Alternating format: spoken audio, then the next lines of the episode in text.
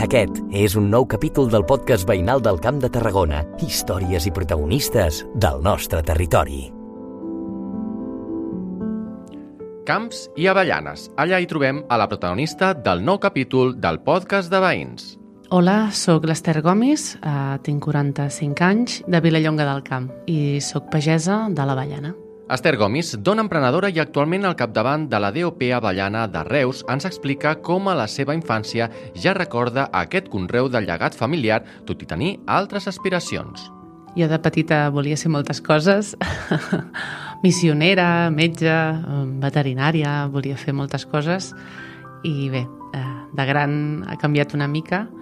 Uh, jo de petita vaig créixer entre avellaners, els meus pares són pagesos, tant el pare com la mare sempre s'han dedicat a fer agricultura, a cultivar els avellaners i jo em vaig fer gran entre, entre bancals d'avellaners. L'Ester fins i tot va estudiar i va treballar en el camp de la química, però finalment els camins la van retornar als seus orígens. Vaig estudiar, vaig fer química, vaig estar treballant a la indústria química, però a l'impàs de ser mare, eh, doncs bé, em vaig quedar sense feina i quan estava a casa amb dues canalles, amb dues criatures, eh, doncs em vaig plantejar eh, el fet d'agafar i agafar o sigui, el que havien fet els meus pares i seguir-ho. I doncs bé, aquí estic fent de pagesa, he muntat una empresa petiteta que fa, bueno, fa l'avellana, la, la torrem i l'enviem on sigui i a més a més, doncs mira, s'ha incorporat la meva germana i al final totes dues germanes ens dediquem a fer de pageses i a, i a fer avellana torrada. Dues germanes, les Gomis, treballant als camps d'avellanes, una tasca que, com explicava, ja formava part de la seva infància i que amb el temps ha anat evolucionant. Jo, bé, la meva infància va ser molt feliç. Pensa que jo, nosaltres jugàvem sempre al tros i a la bassa a l'estiu, collíem tomàques. A casa sempre s'ha fet una, una, una agricultura tradicional, però tradicional amb, amb respecte a la natura. Ara ha evolucionat, eh, potser és una mica més tècnic. Eh, abans, diguéssim, es feia tot una mica més manual, utilitzàvem màquines, eh, ja teníem una màquina de plegar avellanes, eh, però, per exemple, abans es posaven les avellanes amb sacs, ara ja tenim una màquina autopropulsada que plega les avellanes, les posa ja dins el remolc amb, a granel. Diguéssim que eh, hem, hem fet... O sigui, tecnològicament hem, hem millorat molt, també tenim, eh, per exemple, els pous de recs, els tenim tots posats amb, amb plaques fotovoltaiques, vull dir que ja no necessitem les empreses energètiques. I, diguéssim que hem evolucionat tecnològicament, però la forma d'entendre els avellaners i la forma de viure Eh, jo tinc dues filles, la meva germana també té fills i intentem viure com vam viure nosaltres. O sigui, vivim, paguem les factures amb les avellanes que fem i amb tot el comerç que fem amb les avellanes, però tenim un hort, mengem d'aquests aquest, aliments que ens autoproduïm i intentem fer una vida rural, diguéssim, de família pagesa com s'ha fet tota la vida.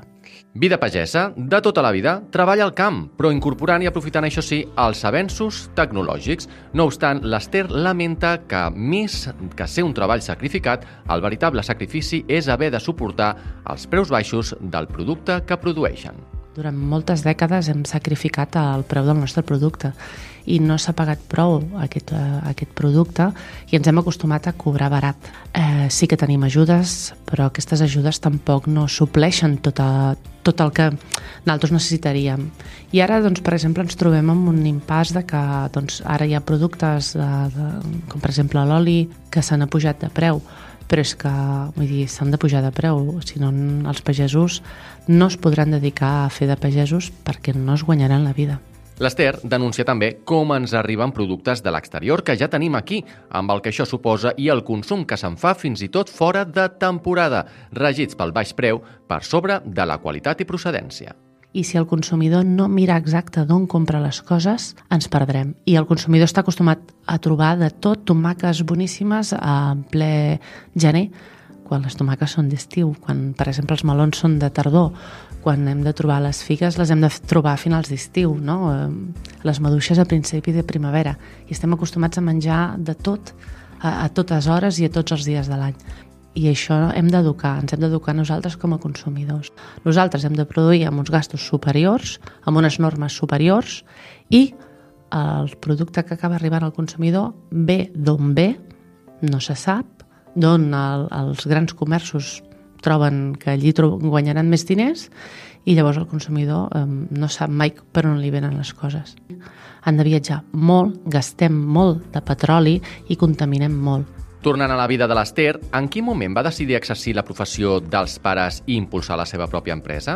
Trobar en un moment que estava amb dues canalles a casa i anava a donar un cop de mà als pares al tros, no? I veia els pares no, que es anaven fent grans, que arribaven a la seva edat de jubilació i pensava, ostres, uh, què farem amb aquesta terra que tenim? amb aquests arbres tan macos, tan preciosos, amb aquesta feina que han fet els meus pares, i no només els meus pares, els meus pares, els meus avis, i enrere, i enrere, i enrere. Pensa nosaltres, jo visc en una casa que té 300 anys, doncs imagina't quin munt d'anys parlo. I em veia que, clar, jo, eh, diguéssim que havia estudiat per química, que jo havia d'agafar i anar a buscar feina en una fàbrica, a torns, veia que en, en la conciliació familiar costaria, i llavors va ser allí que vaig decidir, no, jo vull ser pagesa perquè sempre he sigut pagesa, perquè a mi m'agrada, m'agrada tocar la terra, m'agrada estar entremig dels arbres i vull ser pagesa. I quan em vaig plantejar ser-ho, eh, vaig pensar, però hem de canviar alguna cosa, hem de fer algun canvi. I va ser on vam formar la Carrosset, que és l'empresa doncs, que comercialitza la nostra producció agrícola i anem a fer una venda directa eh, doncs, intentant guanyar més diners, o sigui, no portant uh, segons a quins llocs les nostres avellanes que ens pagaran un preu baix intentar doncs, que aquest preu sigui una mica més alt ens hi puguem guanyar la vida i puguem seguir fent de pagesos i doncs quan les meves filles hagin d'anar a la universitat jo pugui pagar-los a la universitat o el que necessiti. I què té l'avellana? Per què podem treure pit d'aquest producte que ens dona la nostra terra? Qui millor que ens ho expliqui la nostra protagonista? L'avellana doncs, és una fruita seca, super, super mm, boníssima. La gent, a vegades, quan estem en fires i els hi ensenyem l'avellana, ens diuen ui, no, no, és que a mi l'avellana no m'agrada. Mm, malament. Això vol dir que han tastat avellanes no bones. L'avellana és un, un fruit sec molt sensible. És un, l'avellana eh, conté un 63% d'oli d'avellana. Aquest oli d'avellana és molt, molt, molt delicat. O sigui, l'hem de tractar molt bé a l'avellana perquè no dongui gustos dolents, no sigui rància. Llavors, si tu tastes una avellana i és rància, ja la pots llançar, perquè no és, no és, no és bona. Normalment, quan l'avellana viatja molt, mm, aguanta temperatures molt altes durant massa temps, eh, no té el fred que necessita i tot això, que són avellanes de fora i molt, de molt lluny, per exemple, Turquia, aquestes avellanes a Turquia són molt bones, perquè a Turquia tenen, tenen avellanes molt bones, però el fet de viatjar i portar-les fins aquí, que són molts quilòmetres, que no, passa, no ho passen bé aquestes avellanes, poden donar aquestes avellanes que no tinguin gust. Un alt, que no tinguis un bon gust. Una altra cosa que és que és que l'avellana ha de ser de l'any ha de ser de l'any, o sigui, ara per exemple que vam, al setembre hem acabat de plegar les avellanes, doncs tot el que és tot aquest any fins a l'agost és una bona època per comprar avellanes. De l'agost a setembre, compta. Val? I una altra cosa que és molt important a l'hora de comprar avellanes és que busqueu el segell de la DOP Avellana de Reus. Això ens garanteix tot això que acabo de dir. Ens garanteix que és de l'any, que té un calibre mínim, o sigui que és d'alta qualitat, i a més a més que és de la zona, perquè és denominació d'origen protegida. I l'origen és el Camp de Tarragona, Camp de Tarragona i els voltants. Llavors, si nosaltres consumim avellana i la fem i la busquem que tingui el segell de la DOP, això ens garanteix que aquesta avellana serà boníssima. Ja de per se. Pensa que jo sóc presidenta de la DOP Avellana de Reus i el, o sigui, nosaltres eh, cada any, que totes les empreses que conformen tot el conglomerat d'empreses de, que estan dins de la DOP Avellana de Reus passen una auditoria any rere any. Cada any han de passar un examen de com han fet les coses, d'on venen aquestes avellanes. O sigui, l'empresa que et comercialitza aquestes avellanes amb el segell de DOP et pot dir de quina parada i de quin pagès eren aquestes avellanes que estàs menjant tu en aquesta bossa. Vull dir que és molt important saber que uh, un segell de la DOP ens garanteix que el producte és excel·lent.